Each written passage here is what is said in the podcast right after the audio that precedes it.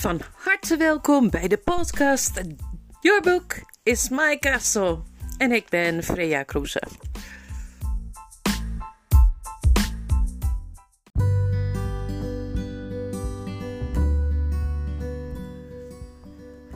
Ah, daar ben je al, Lucie, zei Caspian. We stonden al op je te wachten. Dit is mijn kapitein, heer Drinian. Een man met donker haar liet zich op één knie zakken en kuste haar hand.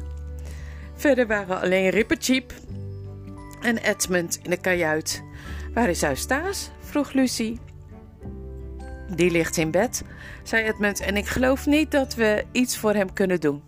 Als je aardig tegen hem probeert te zijn, krijgt hij het alleen nog maar erger te pakken. Maar intussen, zei Caspian, moeten we nodig eens praten. Nou, dat moeten we zeker, zei Edmund. En in de eerste plaats moeten we het eens over de tijd hebben. volgens onze tijd is het een jaar geleden dat we bij jullie weggingen. Vlak voor jouw kroning. Hoe lang is dat geleden in Narnia? Precies drie jaar, zei Caspian. Gaat alles goed? vroeg Edmund. Je denkt toch niet dat ik mijn koninkrijk achter zou laten en uit zou varen als niet alles in orde was? antwoordde de koning. Het kan niet beter. Er zijn nu helemaal geen moeilijkheden meer tussen de telmarijnen, de dwergen, de sprekende dieren, de faune en de rest. En we hebben die lastige reuzen aan de grens vorige zomer zo op een kop gegeven dat ze nu ons belasting betalen. En ik heb een hele geschikte persoon die ik als regent achter kon laten. Terwijl ik weg ben. Trompoen, de dwerg. Herinner je je die nog? Die goeie trompoen, zei Lucie. Natuurlijk herinner ik me die. Je had geen beter iemand kunnen kiezen. Zo trouw als een das, mevrouw, en zo dapper als, als een muis, zei Drinian. Hij had willen zeggen als een leeuw, maar hij merkte dat de ogen van Rippercheap strak op hem gericht waren. Waar varen we nu naartoe? vroeg Edmund. Nou, zei Caspian, dat is een lang verhaal. Jullie herinneren je misschien nog wel dat mijn oom Miras, de uitbuiter, zeven vrienden van mijn vader kwijt wilde, omdat ze het anders wel eens voor mij op hadden kunnen nemen. En ze er toen maar op uitgestuurd heeft om de onbekende zeeën in het oosten voor beide verlaten eilanden te gaan verkennen. Ja, zei Lucie, en geen van de zeven was ooit teruggekomen. Precies, nou, op de dag van mijn kroning heb ik met Aslands toestemming onder ede gezworen dat ik zodra ik eenmaal de vrede in Narnia hersteld had, zelf zou uitvaren en een jaar en een dag naar het oosten zou varen om mijn vaders vrienden te zoeken of te horen hoe ze gestorven waren en als het kon, ze te wreken. Ze heten zo: Heer Revilian, Heer Bern, Heer Argos, Heer Mavramorn, Heer Octesian, Heer Restimar en, och, die laatste, die kan ik zo moeilijk onthouden. Heer, roep, sire, zei Trinian. Roep, ja, natuurlijk, roep, zei Caspian. Dat is voor mij het belangrijkste doel. Maar Rippercheap hier heeft nog veel grotere plannen. Iedereen keek naar de muis. Even groot als mijn moed is, zei hij. Al zijn ze misschien ook wel net zo klein als ik zelf ben. Waarom zouden we niet doorvaren tot waar de wereld in het oosten ophoudt? Wat kan ons daar wel niet te wachten staan? Ik zelf verwacht dat we daar het land van Aslan zullen vinden altijd als de grote leeuw bij ons komt, komt hij uit het oosten van over de zee. Hé ja, daar zeg je iets, zei Edmund met diepe bewondering in zijn stem. Maar denk je dan, zei Lucie, dat het land van Asland zo'n land is? Ik bedoel, het soort land waar je zomaar met een boot heen kunt varen? Ik weet het niet, edele vrouwen, zei Rippercheap, maar ik moet er iets bij vertellen. Toen ik in de wieg lag, heeft een bosvrouw, een driade, deze voorspelling over mij uitgesproken. Waar de lucht de golven raakt, waar het water niet zout maar zoet smaakt, Rippercheap, daar vind je gewis al wat je diepste verlangen is. Daar is het uiterste oosten. Ik weet niet wat het betekent, maar al mijn hele leven leef ik onder de betovering van dat gedicht. Toen het even stil was geweest, vroeg Lucie: En waar zijn we nu, Caspian? Dat kan de kapitein je beter vertellen dan ik, zei Caspian. En Trinian haalde zijn kaart tevoorschijn en spreidde hem op tafel uit. Dit is onze positie nu, zei hij. Hij legde zijn vinger erbij. Dat wil zeggen, vanmiddag om 12 uur was dat onze positie. We hadden vanaf Kerperavel een gunstige wind en zijn een beetje naar het noorden gekoerst richting Galma, dat we, over de, volg dat we de volgende dag bereikten. Daar hebben we een week voor anker gelegen, want de hertog van Galma had een groot riddertoernooi voor zijn majesteit georganiseerd. Daar heeft de koning heel wat ridders in het stof laten bijten. En zelf ben ik ook een paar keer lelijk van mijn paard gevallen, Trinian. Ik heb er nog steeds een paar blauwe plekken van over, onderbrak Caspian hem en heeft een behoorlijk aantal ridders in het stof laten bijten, herhaalde Trinian grijnzend. We kregen de indruk dat de hertog wel gewild had dat zijn majesteit de koning met zijn dochter was getrouwd, maar dat is niks geworden. Scheel en zat sproeten, zei Caspian. Och, dat arme kind, zei Lucie.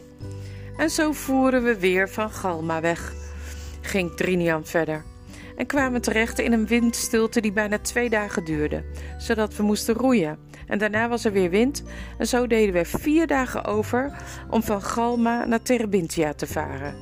En toen we daar aankwamen stuurde hun koning ons een waarschuwing dat we niet aan land moesten komen, er heerste een ziekte daar. Maar we zijn om de kaap heen gevaren en hebben aangelegd in een kleine zeearm ver van de stad om water in te nemen. Daarna moesten we drie dagen voor de kust blijven liggen, wachten op een zuidoostenwind en toen hebben we koers gezet naar de zeven eilanden. Op de derde dag werden we ingehaald door een piratenschip uit Terebintia te zien aan de tuigage. Maar toen ze zagen dat we goed bewapend waren, voeren ze na wat heen en weer schieten van pijlen weer weg. En dat schip hadden we moeten achtervolgen en enteren. En we hadden ze allemaal tot de laatste man moeten ophangen, zei Rippertjeep. En nog eens vijf dagen later kregen we Muil in zicht. Dat is zoals je weet het meest westelijk van de zeven eilanden. Daarna zijn we roeiend tussen de eilanden doorgevaren en omstreeks zonsondergang liepen we Rodehaven op het eiland Bren binnen, waar we liefderijk werden onthaald en voedsel en water te over meekregen voor onderweg. Zes dagen geleden zijn we uit Rodehaven vertrokken en we zijn geweldig opgeschoten, zodat ik hoop dat we overmorgen de verlaten eilanden in zicht krijgen. Al met al zitten we nu bijna 30 dagen op zee en hebben we vanaf Narnia meer dan 400 zeemijlen gevaren. En als we de verlaten eilanden voorbij zijn, zei Lucie. Dat weet niemand, majesteit, antwoordde Drinian tenzij de bewoners van de verlaten eilanden ons er iets over kunnen vertellen. In onze tijd wist, wisten die daar nog niks over, zei Edmund. Dan, zei Rippercheap, begint na de verlaten eilanden pas echt het avontuur. Caspian stelde voor dat ze nu misschien wel graag het schip wilden bekijken, voordat het tijd was voor het avondeten. Maar Lucie's geweten sprak en ze zei: Ik vind dat ik echt even bij Eustace moet gaan kijken. Zeeziek zijn is afschuwelijk hoor. Als ik nou dat drankje van vroeger nog had, zou ik hem weer beter kunnen maken. Maar dat heb je hier, zei Caspian. Dat had ik helemaal niet aan gedacht. Omdat jullie het hadden achtergelaten, dacht ik dat we het wel tot de schatten van de kroon mochten rekenen. Daarom heb ik het bij me. Als jij vindt dat we het moeten verspillen aan zoiets onbenulligs als zeeziekte. We hebben maar één druppeltje nodig, zei Lucie. Caspian deed een van de kastjes onder de bank open en haalde het prachtige diamanten flesje tevoorschijn dat Lucie zich nog zo goed herinnerde. Alsjeblieft, koningin, hier is je eigendom terug, zei hij. Toen gingen ze de kajuit uit en stonden buiten, waar de zon scheen. In het dek zaten twee grote langwerpige luiken, één voor en één achter de mast, die allebei open stonden, zoals altijd bij mooi weer, om licht en lucht in het ruim van het schip naar binnen te laten. Caspian ging, hen voor, uit, ging voor hen uit door het achterluik een ladder af. Toen ze beneden waren, stonden ze in een ruimte waar roeibanken stonden, die over de hele breedte van het schip liepen. En het licht kwam door de openingen voor de roeispanen naar binnen vallen en danste tegen de zoldering. Natuurlijk was het schip van Caspian niet zo'n afschuwelijke galei die door slaven geroeid werd. De riemen werden alleen gebruikt als er geen wind was of om een haven in en uit te varen en iedereen behalve Rippecheep, die er te korte pootjes voor had, roeide wel eens. Aan de zijkanten van het schip was het de ruimte onder de banken vrijgelaten voor de voeten van de roeiers. Maar in het midden liep er over de hele lengte een soort diepe kuil, helemaal tot in de kiel, en die lag vol met van alles en nog wat: zakken meel, vaten water en bier, tonnetjes met varkensvlees, potten honing, leren zakken met wijn, appels, noten, kazen, koeken, rapen en zijde spek. Aan de zoldering, dat wil dus zeggen aan de onderkant van het dek, hingen hammen en bossen uien. En ook de mannen van de wacht, die vrij waren, hingen daar in hun hangmatten te slapen. Caspian nam hen mee naar achter. Hij stapte van de ene bank op de andere. Tenminste, voor hem waren het stappen, maar Lucie, voor Lucie hield het het midden tussen een stap en een sprong, en voor Rippecheep was het een hele grote sprong. Op die manier kwamen ze bij een houten afscheiding met een deur. Caspian deed de deur open en bracht hen een hut binnen die de ruimte in het achtersteven in beslag nam. Onder de hutten op het achterschip die aan dek lagen. Deze hut was natuurlijk minder mooi. Hij was erg laag en de wanden liepen aan de onderkant schuin naar binnen toe, zodat er bijna geen vloerruimte was. En er zaten wel dikke glazen ramen in. Maar open konden die niet, want ze zaten half onder water. Toen ze de hut binnenstapten, waren die door het slingeren van het schip afwisselend goudkleurig door het zonlicht en vaag groen van het zeewater. Hier zullen jij en ik moeten slapen, Edmund, zei Caspian. We zullen je neef in de kooi laten slapen en voor onszelf hangmatten ophangen. Majesteit, ik smeek u, zei Trinian.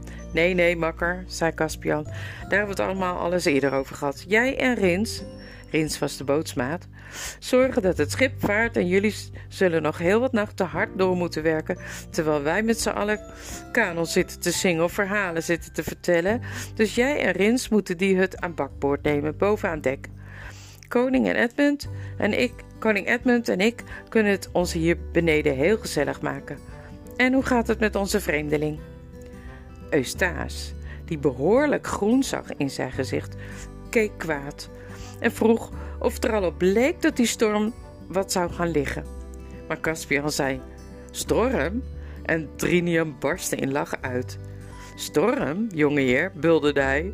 Dit is het mooiste weer dat een mens zich kan wensen. Wie is dat nou weer? zei Eustace geërgerd. Stuur hem weg. Zijn stem snijdt door mijn hoofd. Ik heb wat voor je. Dan zul je je zo weer wat beter voelen, Eustace, zei. Ach, ga toch weg, laat me met rust, snauwde Eustace. Maar hij liet zich toch een druppel uit haar flesje geven. En ook al zei hij dat het smerig spul was, het rook ineens heerlijk in de hut toen ze het flesje opendeed. Zeker is dat zijn gezicht een paar tellen nadat hij het drankje had doorgeslikt, weer zijn normale kleur terugkreeg. En hij moet zich ook wat beter gevoeld hebben, want in plaats van over de storm en zijn hoofdpijn te jammeren, begon hij te eisen dat hij aan land gezet zou worden. En zei dat hij in de eerstvolgende haven bij de Britse consul maatregelen zou indienen tegen hen allemaal. Maar toen Rippertje wou weten wat maatregelen waren en hoe je die kon indienen, Rippercheap dacht dat het een of andere nieuwe manier was om een duel te organiseren, was alles wat Eustace terug wist te zeggen: Weet je dat niet eens? Ten slotte lukte het hun Eustace ervan te overtuigen dat ze al zo snel ze konden in de richting van het dichtstbijzijnde land dat ze kenden aan het varen waren. En dat het net zo min mogelijk was om hem terug naar Cambridge te sturen, waar oom Harold woonde, als naar de maan. Toen besloot hij al was het dan mokkend, toch maar de schone kleren aan te trekken die voor hem klaar lagen en aan dek te komen. Nu nam Caspian hen mee om het schip te bekijken, hoewel ze het meest intussen al gezien hadden. Hij ging naar boven, de voorsteven op en zag. En ze gingen naar boven, de voorsteven op en zagen hoe de uitkijk op een plankje binnen in de vergulde hals van de draak stond en door de open muil naar buiten tuurde. Binnen in de voorsteven was de kombuis of scheepskeuken en de slaapverblijven voor mensen als de bootsman, de timmerman, de kok en de meeste boogschutter. Als je het soms raar mag vinden dat de kombuis voor in het schip zat en in je gedachten de rook uit de schoorsteen naar achteren ziet waaien, het hele schip over, dan komt dat omdat je aan schepen met een motor denkt die altijd de wind van voren krijgen. Maar op een zeilschip komt de wind van achter. Dus daar wordt alles wat vies ruikt zo ver mogelijk naar voren gezet. Ze werden mee naar boven genomen, naar het kraaiennest.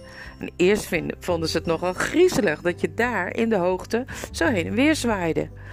En dat je onder je het dek zo klein en in de verte zag liggen. Je besefte dat je als je eruit viel geen enkele reden was waarom je binnenboord terecht zou komen en niet in de zee. Toen werden ze meegenomen naar het verhoogde achterdek, waar Rins met nog een man aan de zware helmstok het roer stond te bedienen. En daarachter stak de staart van de draak de lucht in, bedekt met een laagje bladgoud. Rond de binnenkant ervan liep een klein bankje. Het schip heette de Dageraad.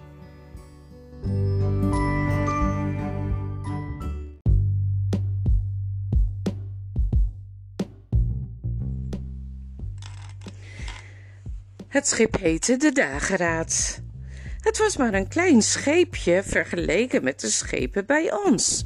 En zelfs vergeleken met de koggen, fregatten, karvelen en galjoenen die Narnia gehad had toen Lucy, Edmund en Edmund er nog regeerde onder de hoge koning Peter. Want de scheepvaart was bijna helemaal verdwenen.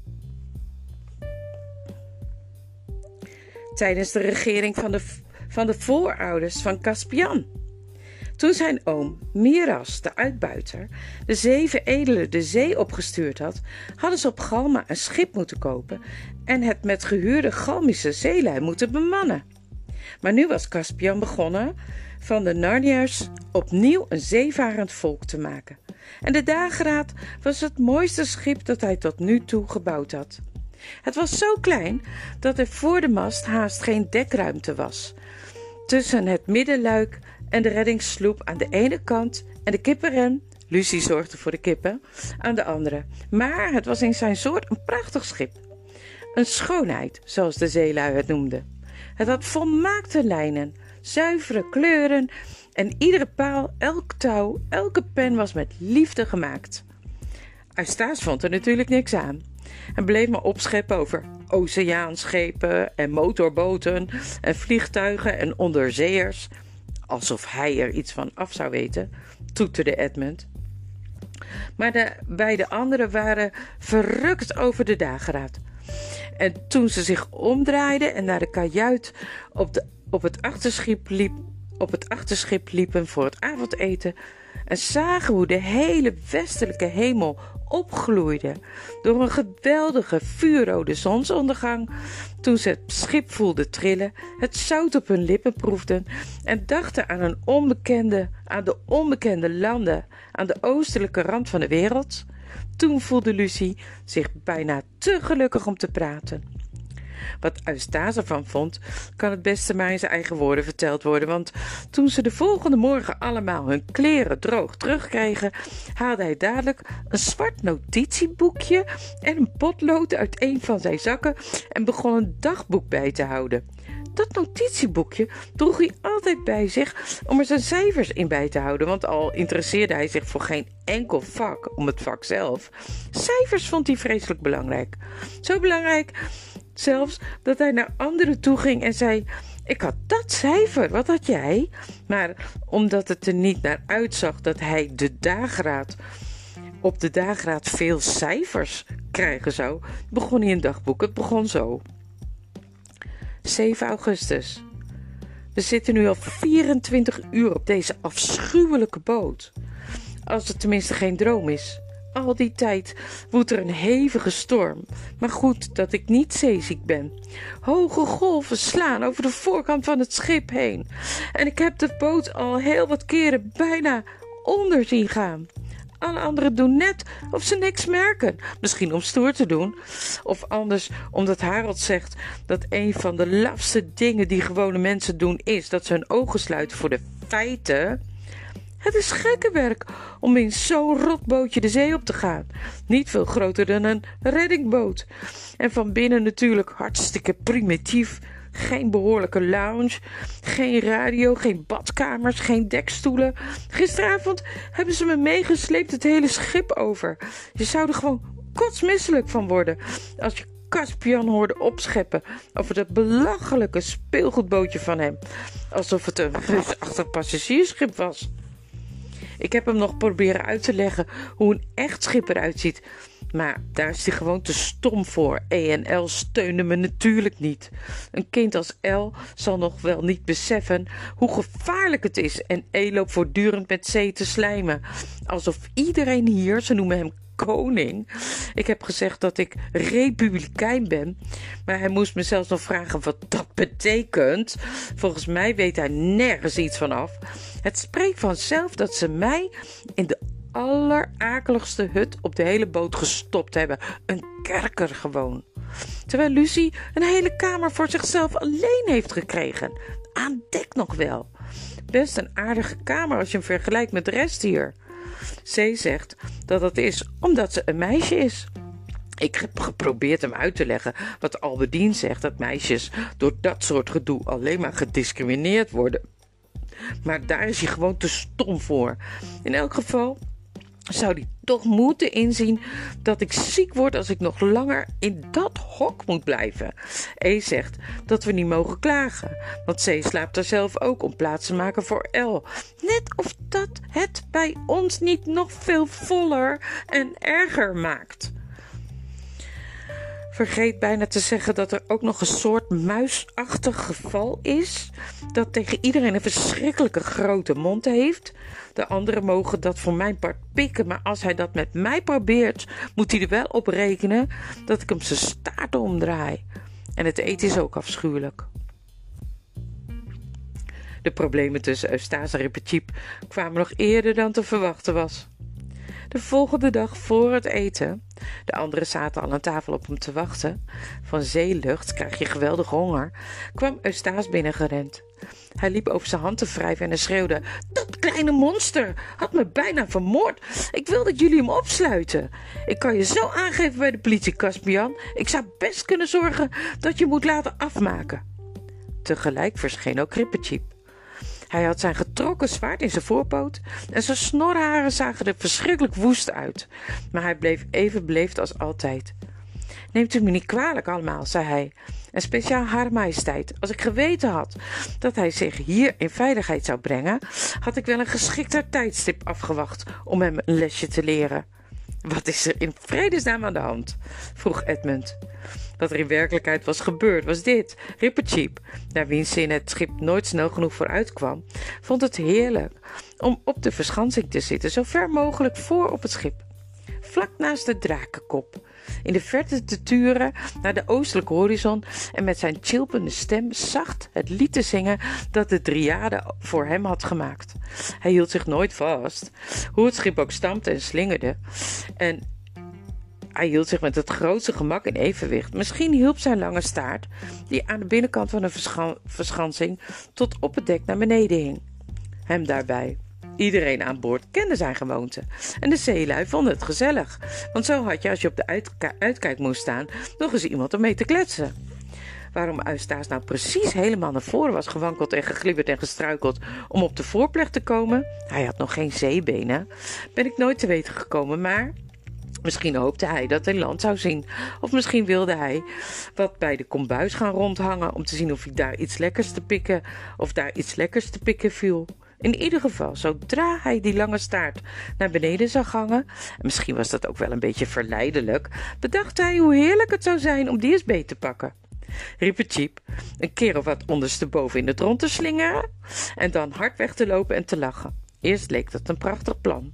En eerst leek het wel te werken. De muis was niet veel zwaarder dan een flinke kat. In een wip had Eustace hem van de reling af. En hij zag er ontzettend gek uit, vond Eustace, met alle vier zijn poten wijd uitgespreid en zijn mond open. Maar jammer genoeg voor hem raakte Rippercheap, die al heel wat keren voor zijn leven had moeten vechten, geen ogenblik de kluts kwijt. En zijn handigheid ook niet. Het is echt niet makkelijk om je zwaard te trekken terwijl je je staart door de lucht wordt geslingerd. Maar hij kreeg het voor elkaar. En meteen daarop voelde Eustace twee lelijke prikken in zijn hand.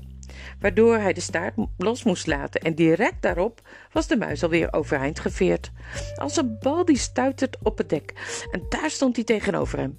Een lang, scherp, schitterend ding dat leek op een spies, zwaaide dreigend vlak voor zijn buik heen en weer. Voor muizen in Narnia geldt dat niet als onder de gordel, want van hen kun je moeilijk verwachten dat ze hoger kunnen komen. Hou uh, op, pruttelde Eustace. Ga weg, doe de ding weg. Dat is gevaarlijk, hou op, zeg ik je. Ik zeg het tegen Caspian, hoor. Ik laat je muilbanden en vastbinden. Waarom trek je niet zelf je zwaard, lafaard? piepte de muis. Trek je zwaard en verdedig je. Of ik sla met de platte kanten bont en blauw. Ik heb geen zwaard, zei Eustace. Ik ben pacifist. Ik ben tegen vechten. Moet ik begrijpen, zei Rippertjeep, die zijn zwaard even introk en heel streng praatte, dat je niet van plan bent mij die genoegdoening te geven? Ik weet niet waar je het over hebt, zei Eustace, terwijl hij zijn hand koesterde. Als, je nog niet, als jij nog niet eens tegen een lolletje kunt, bekijk het maar. Hier dan, riep, zei Rippertjeep, pak aan. Dat is om je manieren te leren. Respect voor een ridder en voor een muis. En voor een muis zijn staart. Bij ieder woord gaf hij Eustace een klap met de zijkant van zijn degen, die van dun, stevig, door dwergen gehard staal was en zo buigzaam en pijnlijk als een berkentak. Eustace zat natuurlijk op een school waar nooit straf werd gegeven, dus dat was voor hem een hele nieuwe gewaarwording. Daarom kostte het hem ook al had hij nog geen zeebenen, maar drie tellen om van de voorplecht af te komen, het hele dek over te rennen en de deur van de kajuit binnen te stormen, met Rippercheap nog steeds vlak op zijn hielen. Eustace had het gevoel alsof die degen rood gloeiend was.